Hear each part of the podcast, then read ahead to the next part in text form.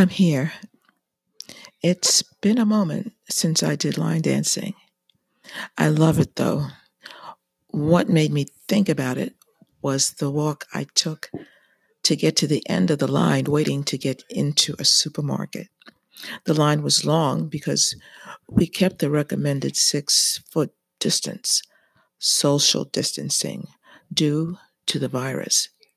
Calculations and movements were being made to ensure this distance. Move up a bit.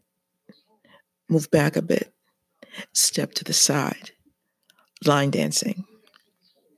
In real line dancing, a good strong beat calls everyone almost irresistibly to the dance floor.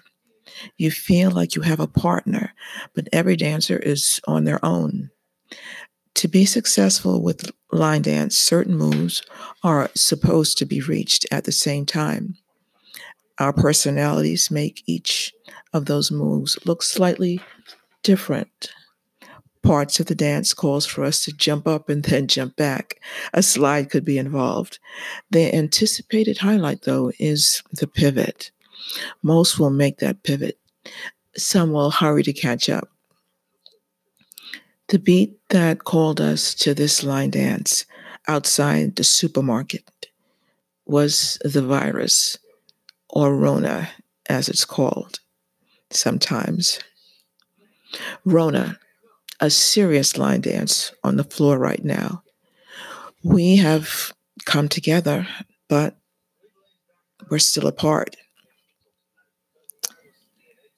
We're not really apart there are those whose job it is or whose heart it is, if they can, get us through this dance. And thank you very much.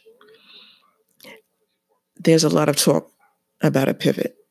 Never heard that word used so much before. Pivot, pivot, pivot. Some will pivot off in a new direction right now or after Rona is gone.